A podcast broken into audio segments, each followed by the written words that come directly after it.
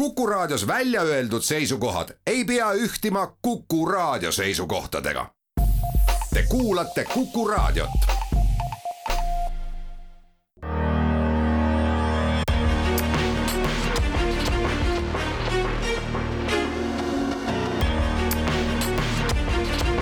välismääraja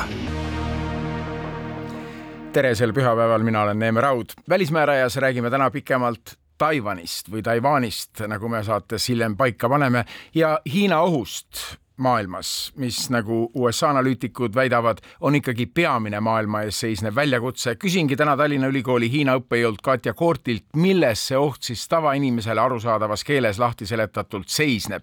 see intervjuu saate teises pooles, ent kõigepealt on stuudios välisminister Urmas Reinsalu, tere no tere hommikust!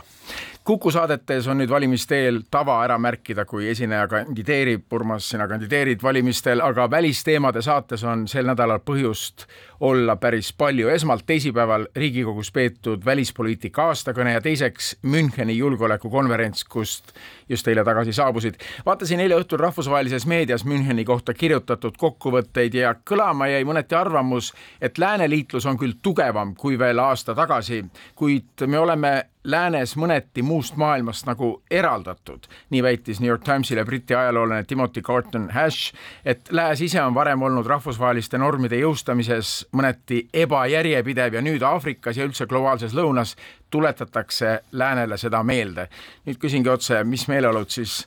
sulle Münchenis vastu vaatasid? kaks suunda, üks oli see suund, mis puudutab nüüd lääneriikide seisukohti, siis äh, Ehm, noh, paar asja, mis kõlama jäid, ütleme nii-öelda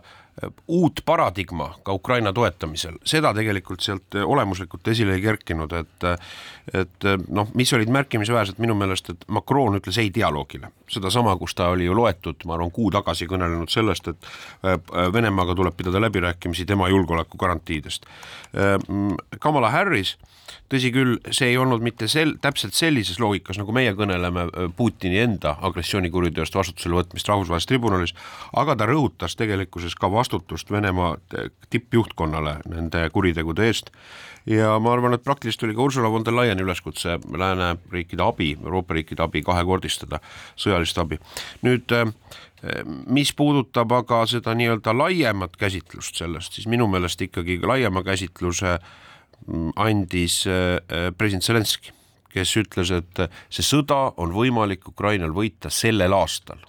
võttis noh, selge raami asetas,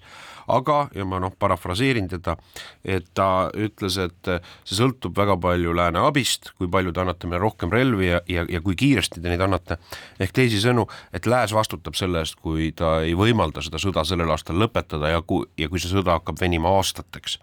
ja tal oli iseenesest ju äh, väga tõsine etteheide lääne liidritele, et ta aasta tagasi pidas ise ju seda kõnet seal kohapeal olles ja nüüd ta teatas, et ta ei kavatse Müncheni julgeolekukonverentsil enne osaleda, kui Ukraina on selle sõja võitnud, ütles ju seda, et äh,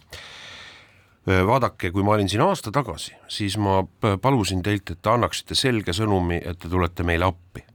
aga vastus oli vaikus, et ma ei saanud seda sõnumit. ja teiseks, ta ju viitas seda aasta tagasi, et ma kutsun teid üles kehtestama ennetavaid sanktsioone Venemaa vastu, kui nad rünnakut alustavad ja see oli üheksateist veebruari, sõda algas ju kakskümmend neli,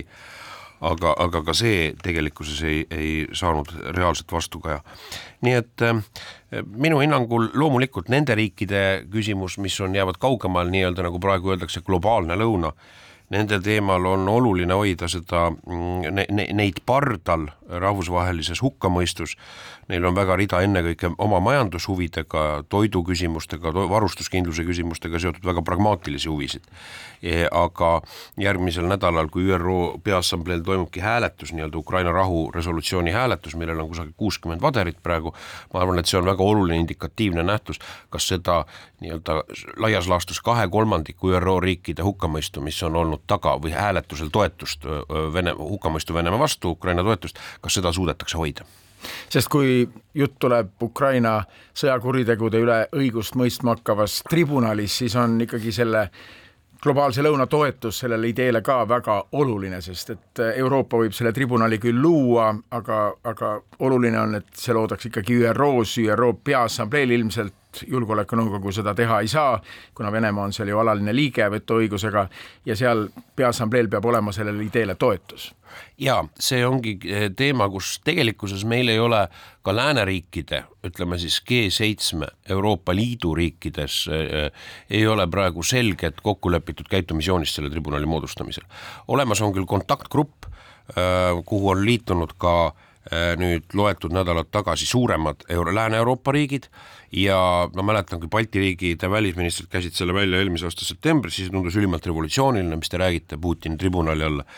aga praegu on nagu mõned erinevad lähenemisnurgad, meie veendumus on eh, koos Ukrainaga, et eh, me peame Peaassambleel selle resolutsiooni panema hääletusele, selle mandaadi alusel selle tribunali asutama, tõsi küll, on ka mitmeid lääneriike, kes ütlevad, et teeme hübriidtribunali ehk Ukraina tehku oma õiguse alusel. Põhiprobleem selles käsitluses on, et ta võtab ära seda rahvusvahelise kogukonna legitiimsust ja teiseks, mis on minu meelest kõige olemuslikum, et siis ei ole võimalik tühistada Putini ja Lavrovi immuniteeti rahvusvahelise õiguse järgi. ja kui me ütleme, et agressioonikuriteo eest vastutajad peavad võtma vastu, tuleb võtta vastutusele ja me jätame Putini sellest välja, siis tegelikkuses äh, see on noh, poolel teel pidama jäämine üks teema, mis on rahvusvahelises ajakirjanduses sel nädalal, kui räägitakse palju Ukraina sõja esimesest aastapäevast tõusnud, on sõja lõpp. kuidas me näeme sõja lõppu Ukraina võitu selles sõjas ja Venemaa kaotust. ma rääkisin sel teemal poolteist nädalat tagasi Tallinnas olnud New Yorgi New School'i ülikooli õppejõu Niina Hruštšovaga, kes rõhutab, et ta on küll vene päritolu, aga ta on elanud üle kolmekümne aasta Ameerikas, nii et ta on ikkagi Ameerika rahvusvaheliste suhete õppejõud ja tema esitas kohe vastu mulle küsimuse, et kuidas te siis selle sõja lõppu ette näete, kuulame seda katket Ну, вопрос в том, что такое потерять эту войну. Потерять как? Что украинский флаг над Кремлем, как был флаг над Рейстагом, вряд ли. küsimus on selles, kuidas me siis seda Venemaa kaotust ja Ukraina võitu ette näeme, kas et Ukraina lipp hakkab Kremli kohal lehvima nagu Reichstagi kohal pandi lipp üles pärast Saksamaa kaotust te rõhutasite või sa rõhutasid, Urmas, et Riigikogus peetud kõnes, et just täpselt sedasama mõtet, Ukraina võit, Venemaa kaotus, aga kuidas see täpselt välja võiks näha? See on meie jaoks eluline küsimus ja see, milline on meie käsitlus, et siin ei olegi, me ei pea, minu sõnum on see, et ütlema, et Euroopa riigid oleksid passiivsed, et meil peab olema ka oma nägemus sellest sõja lõpust, me ei näita, ei aseta kogu vastutust president Zelenskile ja Ukrainale, et kuidas, mis on nende rahukokkuleppe küsimus. sõja lõpp peab olema selline, et agressor peab saama karistatud väga mitmes erinevas suunas, ta peab oma kahjud kinni maksma, ta peab, tuleb kanda õiguslikku vastutust, et kui seda ei juhtu, mis on meie jaoks oluline, siis see tähendab, et agressoril on ainult nii-öelda kulu-tulu loogika, et võimalikke tulevasi agressioone, sealhulgas ka meie vastu korral äh, toime panna. teine oluline küsimus meie jaoks sõja lõpust on see, et äh, Venemaa peab olema selline, et äh, me oleks, lääneriigid oleksid vabad sellest loogikast, et nad alluvad Venemaa dikteerimisele oma naaberriikide tuleviku suhtes. selles mõttes ja lakmusküsimus siin on Ukraina tulevik ennekõike NATO-s lihtsam on lääneriikidel öelda, et me võtame vastu Soome ja Rootsi, kus täiemahuline sõjaline rünnak noh, Soome vastu Venemaa poolt on suurusjärgus ebatõenäolisem, aga kui me ütleme, et me jätame Ukraina NATO-st kõrvale pärast seda sõja, selle, pärast sõja lõppu tulevikus, siis see tegelikkuses juba selle sõja ajal tähendab osundust või meie eeldust, et äh, Venemaa võib uuesti rünnata ja hirmust selle tõttu, et NATO on sõjalises konfliktis, me ei julge seda sammu teha. ja, ja, ja väga oluline on põhimõte, et äh, Euroopa äh, loogikas äh, kui me kõneleme nüüd, et noh, Ukraina lipp Moskva kohal, see ei ole küsimus, küsimus on selles, et kui me räägime ka usalduse taastamisest, mingisugusegi usalduse taastamisest suhetest Venemaaga, läänemaailma ja, ja Venemaa vahel, siis see rajaneb ikkagi Venemaa arusaamal tehtud kuritegudest, vastutuse kandmisest nende kuritegude üle ja loomulikult Putini režiimiga, nende samade isikutega, kes on genotsiidi läbi viinud, ei ole see reaalselt mõeldav, et me peame olema valmis väga pikaks vastasseisuks äh, Venemaaga, aga ma usun, et ka see on vajalik Venemaa enda inimeste tuleviku, Venemaa ühiskonna tuleviku nimel, et sest äh, pärast sõda on ka küsimus selles, et kas Venemaa, kui tõmmata paralleel Saksamaaga, on nii-öelda Weimari vabariik aastal kaks, on tuhat üheksasada kaheksateist või, või Saksamaa aastal tuhat üheksasada nelikümmend viis, sest äh, et sellisel moraalsel allakäigul, kuhu see ühiskond on jõudnud, selle noh, sisuliselt totalitaarseks muutunud režiimi vedamisel, ei ole võimalik ette kujutada nagu normaalset rahvusvaheliste suhete korras neid osalisena näha. ja veel üks vaade Ukraina võidule, see on Ameerika ajaloolaselt Stephen Kotkinilt, kes oli pikalt eh, Princeton ülikoolis, nüüd Stanfordi ülikoolis, ta andis pikema intervjuu ajakirjale New Yorker, seda tsiteeriti eile ka Eesti ajakirjanduses ja tema ütleb, et eh, ta ei näe seda võimalust, et Ukraina saab terve oma vallutatud äh, okupeeritud territooriumi tagasi, aga mis on tema jaoks kõige olulisem, on see, et Ukraina peab saama Euroopa Liitu selle sõja järel, et Euroopa peab nüüd siin olema järjekindel, et see on konkreetselt see võit, mida Ukraina vajab. Jah, aus, aus küsimus on selles, et me seda me, meie näeme ka oma poliitilises töös praegu Euroopa Liidu partneritega, sest kui me selle kogu dramatismi ja äh, sümpaatia osas Ukraina suunal praegu ei ole võimelised poliitilised otsuseid langetama, siis me teame, et nii-öelda selle laienemisväsimuse selles teoorias tegelikkuses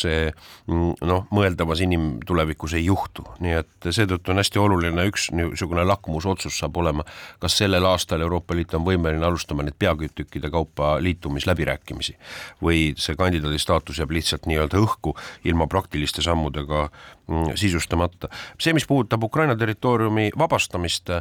eh, noh, seda peetakse eh, praegu sõjaliselt võimatuks, aga see, see on tegelikult lääneriikide käes, see otsus.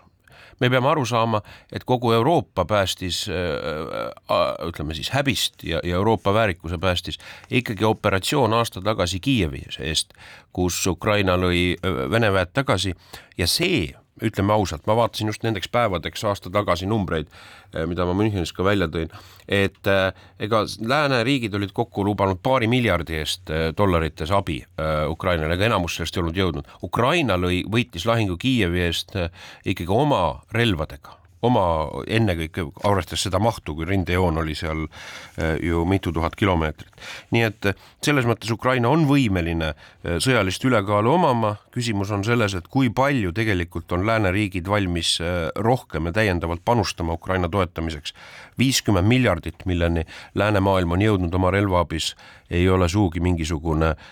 asi millega eraldi võetuna uhkeldada rahalistes mahtudes. kui asetada asi perspektiivi, mm, Iraagi ja Afganistani operatsioon kokku ka laenuraha intressidega, mida veel kahe tuhande, selle sajandi keskpaigani Ameerika Ühendriigid peavad maksma, maksis seal äh, triljoneid dollareid ja me praegu räägime suuremahulisest teise maailmasti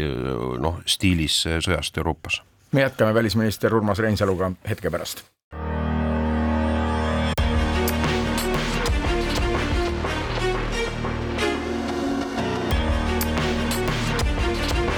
välismääraja.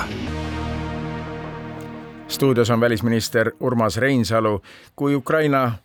Euroopa Liitu pääsemisest räägitakse, siis räägitakse, et Ukraina peab ise liitumiskõnelustel näitama, et kõik kriteeriumid on täidetud, selles otsuses midagi poliitilist ei ole. samas, kui Ukraina tahetakse NATO-sse võtta, see on poliitiline otsus eks ta lõpuks on ikka mõlemad poliitilised otsused, sest äh, ettekäändeid meie riikidel, miks ei ole võimalik otsust langetada, noh, neid saab alati välja mõelda ja need ei ole kuidagi nagu verifitseeritavad õiguslikult või, või matemaatiliselt. et äh, noh, need tingimused praegu ka liitumisläbirääkimiste alustamiseks on esitatud, need on ennekõike seotud siis noh, nii-öelda õigussüsteemiga, seal deoligarhiseerimisega, nende niisuguste mm, äh, riigihalduse ruumiga, aga loomulikult nende peatükkide kaupa läbirääkimised läbirääkimised eh, keset sõda, eks see on, eh, see on, eh, saab olema ülimalt keeruline, et kui me noh, meie rahuaja tingimustes mäletame läbirääkimisi veevarustusest või mingisugused keskkonnaküsimused, põllumajandusküsimused, aga praegu on ju kogu riik nii või teisiti paralüseeritud seoses selle sõjaga. Nüüd NATO puhul on on küsimus ennekõike taandumas jällegi lakmusküsimuseks, et kas äh, kui palju lääneriigid suudavad tahtejõudu ilmutada. ja, ja see on küsimus ennekõike mitte sellest, kes on Ukraina, mitte sellest, kes on Venemaa, vaid kes oleme meie ise, et kas me julgeme pärast sõja selle lõppu,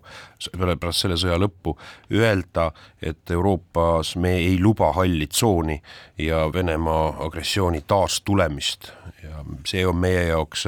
et Ukraina NATO-s oleks tulevikus, on täpselt samasugune eluline eksistentsiaalne äh, küsimus ja ja seal selgelt on praegu selles küsimuses meie huvi on, et Vilniuse tippkohtumisel nagu selge samm antakse edasi, niisugune noh, kuidas me edasi hakkame liikuma, et, et see sõnum liiguks edasi, aga hetkel sellist ühisosa veel tekkinud ei ole selle valmiduse osas. ma noppisin välispoliitika aastaaruande kõnest välja veel Venemaad puudutavaid teemasid ja üks on Venemaa varade kasutamine Ukraina toetuseks. Urmas Paet, meie Euroopa Parlamendi saadik, ütles, et ta tegi pärimise Euroopa Komisjonile eelmise aasta lõpus, et kas need varad on kaardistatud Euroopa Liidus ja ja vastust ma ei tea, kas nüüd on saabunud, aga seda ei tulnud, sest öeldi, et see on väga keeruline tegevus. sa rõhutasid oma kõnes, et Eesti tahab luua oma finantsinstrumendi, mis võimaldab Vene varasid Ukraina hüvanguks kasutada, millest siis, millest siis jutt? Ikka Kanada on, on, on seal, me Kanada mudelit oleme, olemegi koostööd teinud, Kanada mudelit analüüsinud, sisuliselt tähendab seda, et niisuguseid äh, sanktsioneeritud varasid on võimalik siis kohtuliku kontrolli kaudu riigil suunata, võtta oma, oma kasutusse ja meie kasutuse eesmärk on loomulikult siis anda Ukraina toetamiseks. ja noh, küsimus ei ole eraldi võetud ja me tahame selle seaduse eelnõu põhimõtted vaatas valitsus läbi ja me läheme sellega edasi. Ja meie jaoks on ennekõike loomulikult äh, rahvusvahelise kogukonna teiste riikide, kus on see raha erikaal julgustamises, et, äh, et seda, seda teha, sest kogu selle sõja loogika ma ütlen ausalt, et väga palju Münchenis ma ei kuulnud üheltki kõnelejalt, ma ise osundasin sellele mitu korda, et me kõneleme sellest, on niisugune Zeitenwende noh, nii-öelda ajastu muutus on toimunud, et enne sõja algust need ostpoliitik, et Euroopa käsitlus Venemaast on olnud naiivne, aga küsimus, et mida me ise valesti tegime, oleme teinud ja mida me peame korrigeerima tegevuses sellest viimasest aastast see on ka ausalt, tuleb sellele otsa vaadata, et äh, minevikku me ei saa sekundikski muuta, aga nüüd on, me, me saame otsuseid muuta, mida me langetame tänasel päeval. ja siin on minu küsimus ikkagi selles, et kogu lääne ühtsus jah, seda tuleb tunnustada, retooriliselt on ta täiesti niisugune kuulikindel, aga ta on olnud ülimalt aeglane ja liikunud spiraalselt nagu samm-sammult ja vaevaliselt nagu mööda väga pikka koridori äh, edasi või treppi edasi. ja üks asi on ka seesama külmutatud varade küsimus, et sellest on juba sügisest kõneletud, Ursula von der Leyen rääkis nõnda edasi komisjonist on tulnud välja niisugused äh, väikesed memod, aga see on veidikene nii-öelda minu jaoks on ebapiisav tempo nii-öelda kick the can on the road, et et sa, sajad miljardid suurusjärgus äh, on läänemaailmas eeldatavalt siis äh, seda raha ja see on kordades rohkem, kui lääs on seda raha andnud ja meie ja see on mängumuutja, kui me anname seda Ukraina toetamiseks, abistamiseks, et nad ka noh, majandusliku ühikuna vastu peaksid aga meie endi suhted Venemaaga, Eesti suursaadik saadeti Venemaalt välja, Margus Laidre on nüüd tagasi Tallinnas, muidugi suhted võiksid praegu sõja ajal täitsa olemata olla, oleme ikkagi selle riigi tegevuse vastu sajaprotsendiliselt, aga ta on olemas, ta on meie naaber, mingil määral me peame suhtlema noh, tegelikkuses tuleb ju ausalt tunnistada, need suhted ongi eh, noh, absoluutses miinimumis. Eh, inimesed liiguvad, mis puudutab siis, et Eesti kodanik elab Venemaal, noh, niisugused konsulaarsuhted on olemas, mingisugused piiriküsimused, kui kerkivad esile, noh, kuna piiri füüsiliselt ju ületatakse Eesti-Venemaa vahel, kerkivad esile, aga nad on tahtlikult ka meie poolt valitud poliitikana viidud miinimumi ja me ei käsitle oma kahepoolsed suhted kuidagi autonoomselt äh, praegusest Venemaa agressioonist Ukraina vastu, et et me ei usu sellesse, et on võimalik nagu suppi keeta ühes katlanurgas ja siis teha nägu, et nagu midagi ei olegi, nagu siin võib-olla keegi on ka Eestis üleskutseid teinud. nüüd äh, me oleme kehtestanud selle pariteetsuse, see on meie julgeoleku huvides ja vast peegeldab ka seda suhete madalseisu ja mul on äh, tegelikkuses mul on ka informatsioon, mida võib-olla Eesti avalikkuselt ei ole jõudnud, et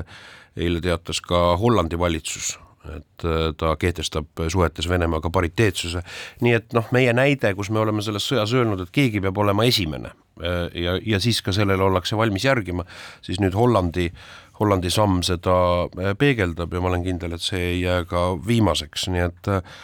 et meil ei ole praegu otsust, mingisugust otsust, et me täielikult katkestame diplomaatilised suhted, noh, ennekõike Eesti inimeste konsulaarhuvide kaitsmise eesmärgil, aga need suhted ka tulevikus me võime prognoosida noh, see, nende suhete kujunemine, arenemine või, või muutumine sõltub olemuslikult ikkagi Venemaa-Ukraina sõja tulemustest äh, ja sündmust ja, ja arengutest Venemaal. Ja noh, tõenäoline on, me peame prognoosima, et nende suhete madalseis jääb määramata pikaks ajaks. eeloleval nädalal tähistatakse Ukraina sõja alguse esimest aastapäeva, kurba tähtpäeva ja selle tähistamise kese on New Yorgis, miks just seal? ikkagi ÜRO-d nähakse, vaatamata sellele, et ÜRO enda hartat on Venemaa niivõrd suurelt rikkunud, tunginud kallale suveräänsele riigile, aga ikkagi nähakse ÜRO-d selle maailma keskse punktina. Jah, sest seal saavad kokku kõik maailma riigid, olgu nad äh, diktaatorid või demokraatiad, äh, et seal on see foorumi koht ja seal on siis tegelikkuses plaanis, äh, on Julgeolekunõukogu istung, äh, seda juhatab Malta ja ma osalen ka Julgeolekunõukogu, eeldatavasti Julgeolekunõukogu istungil, samuti Peaassamblee istung, kus ma siis Eesti poolt teen kõne ja kus võetakse vastu ka loodetavasti kaaluka enamusega resolutsioon siis Ukraina toetuseks. ja siis toimub ka eraldi suur üritus just nimelt vastutuse koha pealt, mida me korraldame siis koos Eesti korraldab koos äh, Ukrainaga ja, ja rida veel teisi sündmusi, nii et et rahvusvaheline noh, selle sõja aastapäeva mälestamise ürituste kese või inimkonna jaoks selle ürituste mälestamise kese on siis, on siis nii Ukraina valikul kui ka samameelsete riikide seisukoha järgi on jah, New Yorgis saab olema.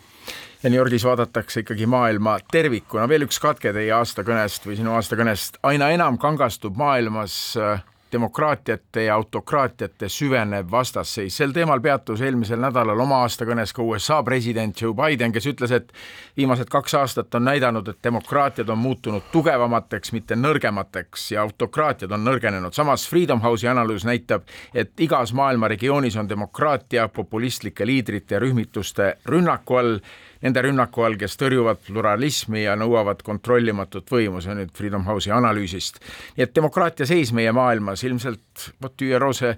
suur saal peegeldab just meie maailma seisu, demokraatia seis maailmas ei ole nii hea, kui sooviksime ei, ja kui me räägime inimpõlvede perspektiivi, siis äh, kui eeldada, et need tasakaalud maailma riikidel jäävad, ütleme siis autokraatiad äh, jäävad, äh, et nad ei transformeeru demokraatiateks, siis meil on trend on paraku selline, et see nii-öelda ütleme siis Vabaduse saar või meie elulaadiga riikide osakaal maailmas, mis puudutab relvastust, demograafiat, majanduslikku erikaalu, see on kahanemas. järelikult äh, me peame aru saama sellest, et äh, meie jaoks ka saja aasta perspektiivis, et meie mm, järeltulevad põlvkonnad saaksid seda elulaadi äh, rakendada, et meil ei ole alternatiivi, et samameelselt mõtlevad riigid teevad koostööd ja panustavad rohkem ka enda julgeolekusse ja kaitsmisesse, sest autokraatiate jaoks ei maksa mitte reeglid, moraliseeriv lähenemine või, või, või,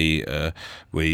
noh, instinktiivne sümpaatia inimeste, inimeste suhtes, maksab jõud. Ja kui sul ei ole jõudu oma põhimõtteid kaitsta, siis äh, ei ole reeglid, siis laguneb, lagunevad reeglid laiali. Ja seetõttu on hästi oluline, mis on ka Eesti sõnum, et Vilniuse tippkohtumisel meie eesmärk on, et NATO riigid lepiksid kokku kaks pool protsenti sisemajanduse kogutoodangust kahe asemel oma, oma noh, siis sõjaliste võimete arendamiseks ja siis see väide, mida ka ikka ja jälle kuuleme, mida autokraadid armastavad, et ehk ei olegi kõikidele riikidele demokraatia lihtsalt kohane. Ma arvan, et meil on kaks näidet äh, maailmast, mis on nii äh, olemuslikud. üks on Põhja-Korea ja Lõuna-Korea, Lõuna-Korea välisministriga ma eile rääkisin. Ja kus on noh üks rahvas, kaks süsteemi ja äh, tegelikkuses me näeme inimeste elulaadi, inimeste andekust, suutlikkust ennast korraldada vaba maailma osana. ja teine on ju loomulikult äh, Saksamaa. Äh,, Saksa TV ja, ja Saksa Liitvabariik, et me näeme näeme, kuidas süsteemi dikteeritud reeglid hoopis vastupidi muudavad inimest. Ja noh, seda me oleme ju ka ise minevikus kogenud, nii et see on, on jama, et et äh, niisugune, riigid valivad loomulikult oma eluviisi ise ja, ja, ja reeglid ise, aga noh, need aluspõhimõtted, äh, inimeste, mm, inimõiguste ülddeklaratsiooni aluspõhimõtted, mida demokraatlik, rahvaste enda valikute otsustamise üle on võimalik langetada, nende rakendamine maailmas on loomulikult näidanud, et see toob kaasa nii jõukust, inimeste enda eneseteostuse võimalusi kui ka kui ka demokraatiad omavahel ei ole laias laastus võib öelda ju sõjalisi konflikte ka omanud ütlesid kõnes ka seda, et meie välisteenistus töötab selle nimel, et jätkuvalt tõsta agressiooni hinda Moskvale. samas äh, Eesti on väike riik, me võime küll väga kõvahäälselt rääkida, aga me peame siiski tunnetama oma jõupiire, et kuidas see kalibreerimine meie välisteenistuse töös praegu käib, et Eesti ei võtaks äh, liiga jõulisi avaldusi teha, mis võib-olla maailmale tunduvad, et kuidas üks väike riik nii räägib või kas me üldse peame sellele praegu mõtlema, oma väiksusele? aga kes siis veel? ja eks me piiri peal käime, ma ütlen, ei hakka üldse eitama, et kui viimati oli nende naftatoodete hinnalagede kokkuleppimisel, siis Eesti oli Euroopa Liidu riikidest viimane, kes sellega nõus oli ja meie nõudmine oli, et ma rääkisin sellest kaks päeva enne, kui see otsus tuli langetada, helistas, helistas mulle Ameerika rahandusminister ja, ja me oli, tekkis ühine arusaam, et G7 riigid vaatavad selle nafta, Vene toornafta hinnalae üle ja mul oli vestlus ka Ukraina esindajatega Münchenis, tegelikkus ikkagi on vajalik kehtestada ka LPG gaasile, kus on Venemaa kümned miljardid eurot tulevad kasumit, niisugused hinnalaed, ja sellest ma rääkisin Münchenis eile äh, Ühendkuningriigi, Kanada, äh, Jaapani, välisministritega täiesti, G7 välisministritega, et meil on see seisukoht ja, ja me peame seda mõistlikuks teha. ja mingitel asjadel meil tekib ühisosa vaade, mingites asjades me, me seda ei teki või selleks aeg ei ole küps, aga me oleme näinud selle aasta jooksul, kuidas ka üksikute sündmuste valguses noh, need paradigmaatilised nihked võivad aset leida väga kiiresti Münchenis olid ka peaminister Kaja Kallas ja kaitseminister Hanno Pevkur. praegu käib valimiskampaania, te olete erinevatest parteidest, aga kas Münchenis esindasite Eestit kuidagi koos või oli teil kõigil kolmel täiesti erinev agenda seal? Erinev, ei ma arvan, agenda oli sama, tähendab, suund oli sama. jaa, aga päevakavad olid kõik erinevad ja mis ta tegelikkuses täidavad need äh, päevad ära, üks on noh, mul oli lõviosa ajast olid siis kahepoolsed kohtumised erinevate riikidega, aga ka, ka, ka väljapoolt Euroopat, nagu ma ütlesin, äh, ka näiteks Jordaaniaga. Ja kolmas oli, oli, teine plokk on intervjuud, kus äh, võimalikult palju seda meie sõnumit ja käsitlust Ukraina sõja lahendusest edasi anda. Ja, ja, ja siis erinevad koosolekud ja, ja nii-öelda äh, debatid. Äh, ei, me Hannoga saime kokku hommikusöögilauas, vahetasime mõtteid kiirelt ja, ja, ja koridoris nägin ka Kajat ja vaadates pilte Münchenis, mis rahvusvahelisse meediasse on jõudnud, Eesti, no Kaja Kallast nägin piltidel, sind nägin piltidel, Hannot nägin piltidel, Eesti oli pildil jah, see on meie tahtlik valik, et meil, meil on olemas oma selge plaan, me oleme näidanud ka tegudega, et me suudame oma retoorikat sisustada ja me oleme näidanud seda, et need asjad, millest me oleme selle aasta jooksul lauale pannud, nad on edasi liikunud, kas ellu viidud või on, või on õhus. praegu, praegu on meie ülesanne lisaks retoorilisele toetusele, et selle retoorilise toetuse niisuguse tasapaksu jutu alla ei matu ära tegelik vajadust täiendavalt relvi anda, me ei ole jõudnud sugugi sellele tasemele, mis Ukrainal on vaja. välisminister Urmas Reinsalu, aitäh selle intervjuu eest.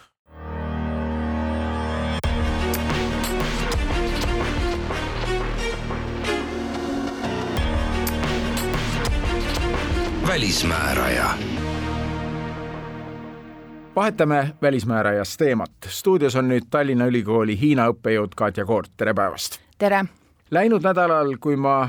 Jaapanis olin poolteist nädalat tagasi, pandi mulle seal korduvalt südamele, et lähiajal tuleb ära käia ka Taiwanil, sest ei tea, mis võib sellest saareriigist saada juba räägitakse ka konkreetsetest aastaarvudest, millal Hiina võib Taiwan'i endaga liitmiseks midagi ette võtta, üks USA kindral käis välja aasta kaks tuhat kakskümmend viis, on neid, kes räägivad kahekümne seitsmendast aastast ja siis sellest, et kui Hiina president Xi kolmas ametiaeg hakkab läbi saama ja ta hakkab otsima suurt ajalukku jäävat inglisekeelse sõnaga legacy pärandi teemat, et siis asub ta Taiwan'i ülevõtmise kallale, kuidas sina asju näed? Kui sa oleks umbes äh, viis aastat tagasi küsinud neid samu küsimusi, ma ilmselt kehitaks õlgu ja pööritaks silmi ja, ja ütleks, et äh, see on väga vähetõenäoline, siis nüüd on olukord muutunud, äh, nüüd on tõesti viimastel aastatel Taiwan'i väinas on olukord eskaleerunud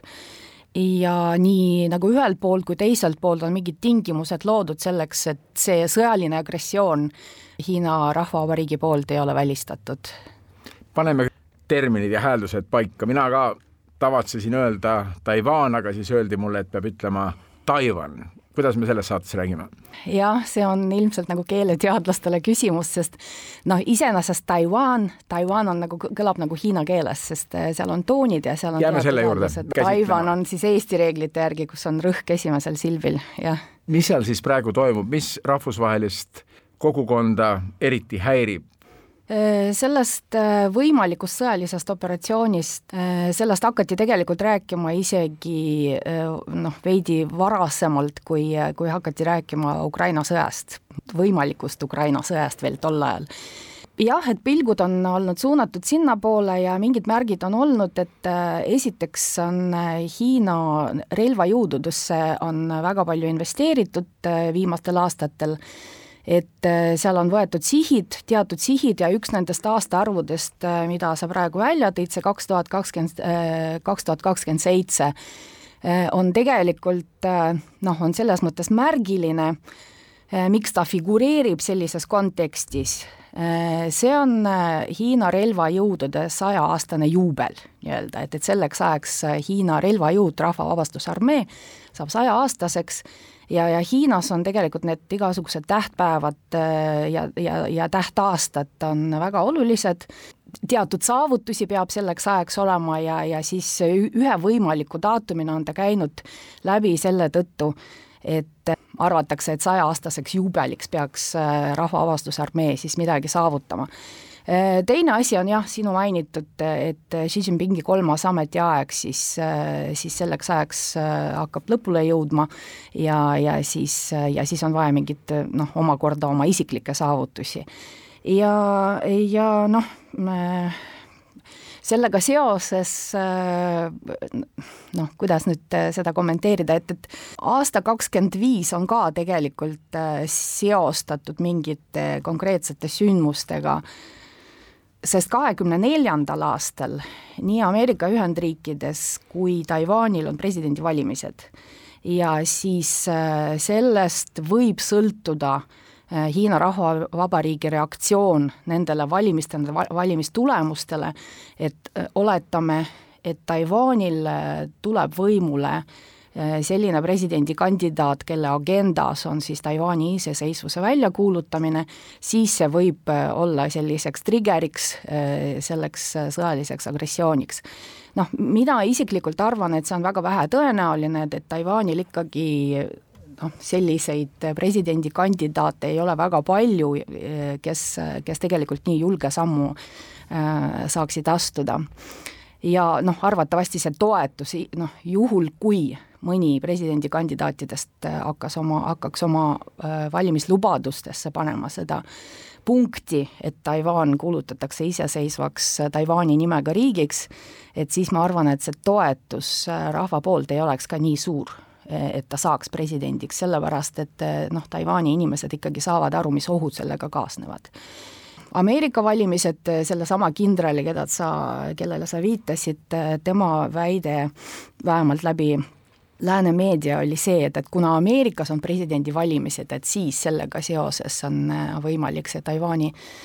ründamine Hiina poolt, sellel on mingi loogika, sellepärast et kui vaadata Hiina ja Taiwan'i suhteid läbi aegade, see tegelikult ei ole nagu kahe, äh, kahepoolsed suhted, vaid see on niisugune kolmnurk, kus Ameerika Ühendriigid alati olnud ka üks osa sellest. et, et päris alahinnata seda ei saa, aga noh, mulle tundub ka, et, et see ikkagi nagu vähem tõenäolisem äh, põhjus, mille pärast võiks äh, see sõjaline konflikt tekkida sinna mis on rohkem tõenäoline, on pigem jah, et, et, et seda Hiina poolt siis või, või Xi Jinpingi nagu isiklikult seda soovitaks saavutada noh, et näidata siis Äh, suure saavutusena selleks, et äh, viia tähelepanu siseprobleemidest äh, mujale, põhimõtteliselt jah, mingite, mingitel sisepoliitilistel eesmärkidel. ja see protsess on tegelikult käinud juba mõnda aega, Hiina siis ideoloogilisel maastikul, kus Xi Jinpingil, eriti nüüd kolmandale ametiajale mineku eel, hakati ümber mõtestama seda pärandit, mis oli enne Xi Jinpingi ja kui enne ütleme, Mao Zedong on selline ikoon, mida, mille kallale ei minda, Deng Xiaoping oli enam-vähem samas staatuses ja siis järgmised juhid, Jiang Zemin ja Hu Jintao, need olid sellised so-so. ja siis nüüd viimasel ajal on hästi palju sellist ideoloogilist tööd suunatud selleks, et Deng Xiaopingi eh, kuvandit eh, nagu kriitiliselt eh, läbi võtta, selleks, et ta enam ei konkureeriks Xi Jinpingiga ja, ja üldiselt selleks oleks ka Xi Jinpingi poolt vaja mingit sellist käega katsutavat sellist saavutust, et mis Hiina rahvale näitab, et tema on nagu veel kõrgem ja, ja veel võimsam juht, lisaks on seal veel mingid sellised isiklikud momendid, sest Xi Jinpingi poliitiline karjäär algas Fujiani provintsis, mis ongi see provints, mis on nagu Taiwan'i vastas kohe üle väina. Ja, ja need inimesed, kes seal Fujiani provintsis elavad, need tegelikult on Taiwaniga ja selle Taiwani küsimusega nagu emotsionaalselt rohkem seotud kui näiteks need, kes elavad Heilongjiangis või kuskil Kirde-Hiinas või, või kusagil kaugemal või Sichuanis näiteks Lääne-Hiinas. Et, et nendel on see jah, noh, sest seal on palju perekondi, kel, kes olid, kes läksid lõhki sellepärast, et Kuomintang siis kolis Taiwan'i omal ajal ja, ja see muutus siis selliseks selliseks riigiks, kuhu enam reisida ei saanud, et perekonnad läksid lõhki ja, ja noh, seal on väga palju sellist emotsionaalset laengut selles. ja noh, võib-olla ühe, ühe tingimusena ma nimetaks ka seda Mm, Hiina natsionalismi kasvu just äh, Xi Jinpingi äh, võimuloleku ajal, et see Taiwan'i küsimus on kogu aeg õhus olnud ja seda on kogu aeg äh, rohkem nagu esile toodud ja, ja üldiselt Hiina äh, inimesed ja eriti noorem põlvkond on emotsionaalselt väga laetud selles küsimuses, et noh, nad arvavad, et see on auasi, et seda peab ära tegema ja, ja siis Hiina tuleb ühendada selleks, et näidata, et me oleme suur ja võimas rahvas ja meid ei huvita see, et kolmandad osapooled sellesse sekkuvad. et see on selline narratiiv, mida siis on inimestele ette söödetud juba mõnda aega siit meie perspektiivist vaadates, vaatame USA poole, ütlesid, et USA on selles võrrandis alati osaline, kui tuleb juttu Hiina-Taiwan'i suhetest. USA toetab praegu väga tugevalt Ukrainat, aga kui Ameerika radarile peaks ilmuma ka teine konflikt ja USA praegune president Joe Biden ja ka kongressi juhid on väga tugevalt avaldanud toetust Taiwanile, et Ameerika on valmis ka sõtta minema Taiwan'i eest, siis korraga on Ameerikal kaks konflikti, millega tuleb tegeleda ja siis võib toetus Ukrainale hakata langema. no selline kalkulatsioon ja mõttekäik on ka meil siit peast läbi käinud jaa, see on täitsa võimalik äh, selles mõttes, et äh, et Aasia Vaikse ookeani piirkond on äh, Ameerika Ühendriikidele viimasel ajal on väga, väga tähtis olnud, et sinna on suunatud palju ressursse ja palju tähelepanu, juhul, kui ja Taiwanile on ikkagi nagu mingid garantiid antud ja, ja isegi seadust muudetud selleks, et, et Taiwan'i toetus saaks olla tõhusam, juhul kui seda on vaja, praegu isegi on isegi nagu palja silmaga nii-öelda näha, et, et kuidas see suhtlus Ameerika ja Taiwan'i vahel on ikka tihenenud ja noh, me võime siis mõelda tagasi sinna augusti Nancy Pelosi visiidile ja, ja kui palju pahameelt see tekitas äh, Hiina Rahvavabariigis. selge see, et Ameerika Ühendriigid äh, mitte niisama ei, ei ei tee nägu, et, et Taiwan on neile oluline, et äh, selles mõttes ma usun, et kui peaks seal sõjaliseks konfliktiks minema, siis siis osa ressursse ikkagi peaks minema sinna, see on lihtsalt loogiline. sa olid ise mullu pikalt Taiwanil ja tagasi tulles ütlesid siinsamas Välismääraja stuudios, et sealsed inimesed on kuidagi teistsugusemad kui hiinlased Mandri-Hiinas. jaa, mul on mõlemas riigis elamise kogemus ja noh, Taiwan on ikkagi demokraatlik riik, mis on Aasias üldiselt haruldane no erinevus on meile väga, väga hästi arusaadav, et kui me räägime lihtsalt tavaliste inimestega, sest noh, hästi palju ühist on ka, see on ikkagi osa sellest äh, Hiina kultuurist ja konfutsianistlikust maailmavaatest, aga kuna Taiwan on ikkagi jõudnud, kusjuures ta on jõudnud ikkagi enam-vähem ise äh, selle, sellesse demokraatlikusse ühiskonnamudeli juurde äh, või demokraatliku ühiskonnamudeli juurde, et, et see noh, seda on tunda, seal on ikkagi mitmeparteisüsteem, inimesed, äh, inimestega rääkides sa saad aru, et nad mõtlevad need vastused ise välja, mitte ei tsiteeri seda, mis nende noh, ütleme, partei häälekandja on äh, kõikidele siis avaldanud selleks, et nad teaks, kuidas, kuidas formuleerida mingeid asju. ja, ja seal on noh, seal on tegelikult valimistel sa saad näha, et näiteks selliseid olukordi, kus keegi ütleb, et aa, eelmine kord ma valisin äh, Komintangi, aga seekord valin Demokraatlikku Progressi parteid sellepärast, et, et ma ikkagi nagu enam ei usu sellesse, et Hiina saab üheks või noh, et võib-olla nagu Taiwan'i iseseisvust ka ei usu veel, aga igal juhul seda status quo'd mõeldes, et tulevikus see Taiwan võiks olla iseseisev, et et ühiskonnas on vanasti oli kindlasti enam-vähem pooleks neid, kes arvasid, et status quo, aga tulevikus Hiina võiks olla siis ühendatud, taasühendatud. Taiwan'i saar ühendatakse siis äh, mandriga äh, poliitiliselt või, või administratiivselt ja, ja teine pool, enam-vähem sama palju inimesi tegelikult arvas, äh, et, et praegu status quo elik siis Taiwan ja mitte eraldi riigina ja mitte nagu Hiina provintsina. aga tulevikus, määramatus tulevikus ta võiks ikkagi kunagi iseseisvaks saada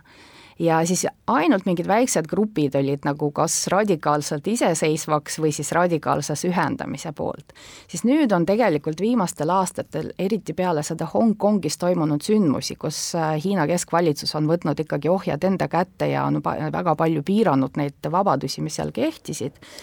siis nüüd on Taiwanil ka ikkagi toimunud selline enesemääratlemise muutus et äh, aina rohkem inimesi usub, et nad on taivaanlased ja, ja mingit ühinemist kunagi ei toimu ja aina vähem on neid, kes, kellel tegelikult on see emotsionaalne side mandriga ja kes mõtlevad, et tegelikult Hiina võiks olla üks ja suur, kuhu Taiwan kuulub ka ühe osana seal on ka põlvkondade vahe muidugi, sest nooremad inimesed, neil ei ole enam seda emotsionaalset seost mandriga. Nad on kasvanud, sündinud, kasvanud ja terve elu elanud sellises Taiwanis, nagu ta praegu on aga tuleme tagasi veel kord USA juurde. Ühendriikide presidenti Joe Bidenit kritiseeriti läinud nädalal päris palju selle eest, et ta ei pööranud oma aastaaruande kõnes või aastakõnes kongressis Hiina ohule nii suurt tähelepanu kui vaja. See on Ameerika positsioonile maailmas siiski suurim väljakutse, just nimelt Hiina suurem kui Ukraina sõda ja Venemaa halastamatus. Seal, väitsid paljud kommentaatorid, ja on siiski ka meil siin Eestis neid, kes küsivad lihtsalt, mida me siis kardame? et Hiina hakkab meile oma norme peale suruma, et Hiina kehtestab maailmas ülemvõimu, ma küsin seda ka selle intervjuu lõpuks sinu käest nii lihtsalt, miks me Hiinat sel määral kartma peame? miks Ameerika ütleb, et Hiina on praeguse maailma suurim oht ja rivaal Ühendriikidele, suurem kui näiteks Venemaa praeguses käimasolevas Ukraina sõjas? Noh, ma arvan, et me ei pea kartma otseselt, aga, aga tegelikult nagu läbi mõelda diplomaatilisi samme ja avaldusi, noh, ma arvan, et see on ka nagu vältimatu, eriti sellisel riigil nagu Eesti, kes tegelikult ei ole noh, nii piisavalt suur ja võimas, et hakata dikteerima oma reegleid. aga mis see Hiina oht siis on? reaalselt? meil ei ole Hiinast praegu mingit sellist sõjalist ohtu, noh Hiinal on muidugi võimalus teha meie elu väga ebamugavaks ja, ja noh, ma kordan veel kord, et me ei pea nagu kartma, kui, kui meil on otseselt nagu mingisugused äh, valikud, äh, mida me peame tegema kui iseseisev äh, suveräänne riik et me ei pea lähtuma sellest, et me kardame või ei karda kedagi, või me peame lähtuma sellest, mis on meile kasulik või kahjulik ja, ja kuidas noh, kuidas ikkagi nagu Eesti huvid ja, ja noh, ette seada nagu sellises, sellises erinevates olukordades, millesse me satume. aga see ebamugavus, mida Hiina võib põhjustada, milles see väljenduks? Hiina ambitsioonid on Xi Jinpingi ajal tegelikult väga palju kasvanud ja, ja me tegelikult noh, ilmselt keegi täpselt ei tea, milles see oht seisneb, sest kontrollida kogu sest maailma. ta ei ole veel äh, otseselt näidanud äh, noh, milliseid ohte me peame ootama. kindlasti on ohud seotud Hiina tehnoloogiaga, äh, mida ta üritab igale poole nagu sisse infi-, infiltreerida või, või müüa või, või, või panna et Hiina tehnoloogiaga võivad kaasneda suured ohud, sellepärast et noh, meie oleme siin nagu tehisintellekt ka kogu aeg areneb ja arenevad tehnoloogiad, millest me praegu veel ei oska tegelikult äh, oodata nagu, et, et mis sealt veel tuleb edaspidi. kui me oleme ümbritsetud sellise riigi päritoluga tehnoloogiast, äh, mille maailmavaade, mille väärtussüsteem on meie omast nagu väga erinev, siis äh, noh, ma arvan, et keegi meist ei taha olla sellises olukorras, kus me ei noh, me ei tea, mis see tehnoloogia hakkab meie eluga veel edaspidi tegema või kuidas ta hakkab seda kontrollima. See on üks nendest asjadest, mis on noh, minu meelest väga ohtlik, et Hiina tehnoloogia. Äh, Hiina majandushuvide laienemine, see on nagu samamoodi ohud, sest, äh, sest liiga suur, äh, liiga palju olla seotud sellise riigiga, kes tegelikult ei taha, et teda kritiseeritakse, ei taha, et, et temast räägitakse sõna, sõnadega ja sõnavaraga, mida ta he heaks ei kiida et see annab talle võimaluse tegelikult noh, piirata, sanktsioneerida, mingid kanalid kinni panna, mingid torud kinni keerata, et, et, et ma arvan, et no see on,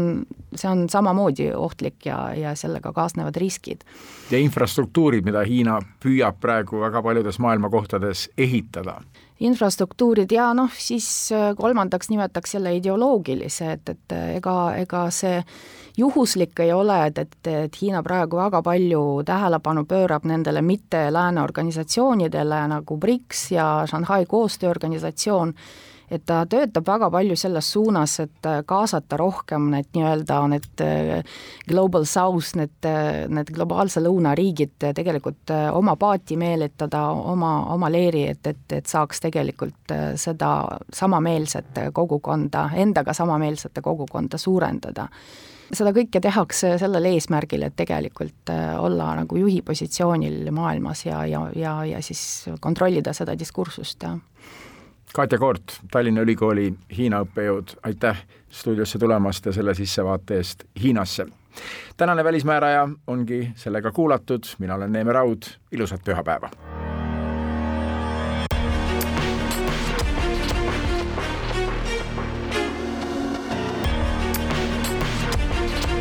välismääraja